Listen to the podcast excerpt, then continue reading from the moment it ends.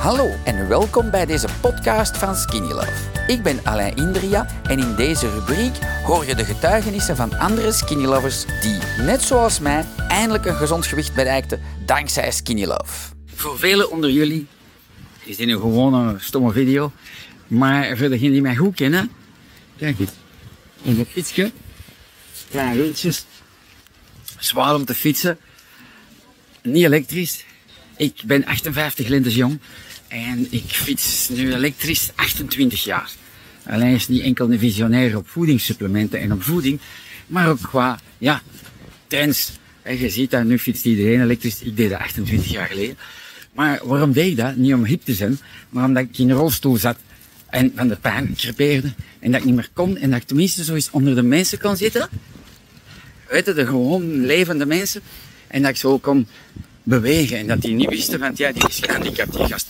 Op hun 30, na 15 jaar topsport hebben gedaan. Zie je?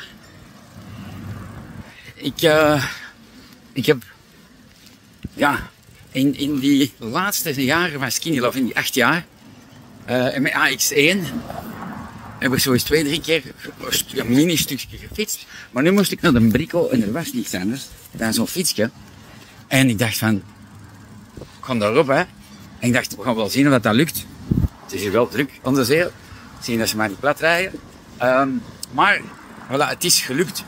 En het, het, het, lukt. Ik voel niks aan mijn knieën. Wel een beetje spieren die zo, ja, niet gewoon zijn van te bewegen. Dat die toch niet. Want ik stap veel. Maar niet dat. Dus ik vind dat een geweldig moment. En dat wou ik toch delen met jullie. Zie, dat is ook een filmpje over AX1. Dat toch wel onwaarschijnlijk is. Wat dat, dat doet. Hè. Het is eigenlijk Allah shape your life. Uh, het is een ander leven dat je krijgt. Niet op een dag, maar het komt. En dat is. In plaats van altijd dat het maar slechter en slechter gaat. Op mijn 30 ging het slechter en slechter. Eigenlijk van mijn 25. Hè. Topsport heb ik 10 jaar wereldbeker surfen kunnen doen. En dan begint alles af te breken. En dan gaat het alleen maar slechter, slechter en slechter. En nu al acht jaar gaat alles beter, beter en beter. Dus dat is ja plezant. Voilà, dat wou ik met jullie delen. Dankzij dit verhaal heb je ongetwijfeld zelf ook de motivatie gevonden om van start te gaan. Ik wens jou heel veel succes!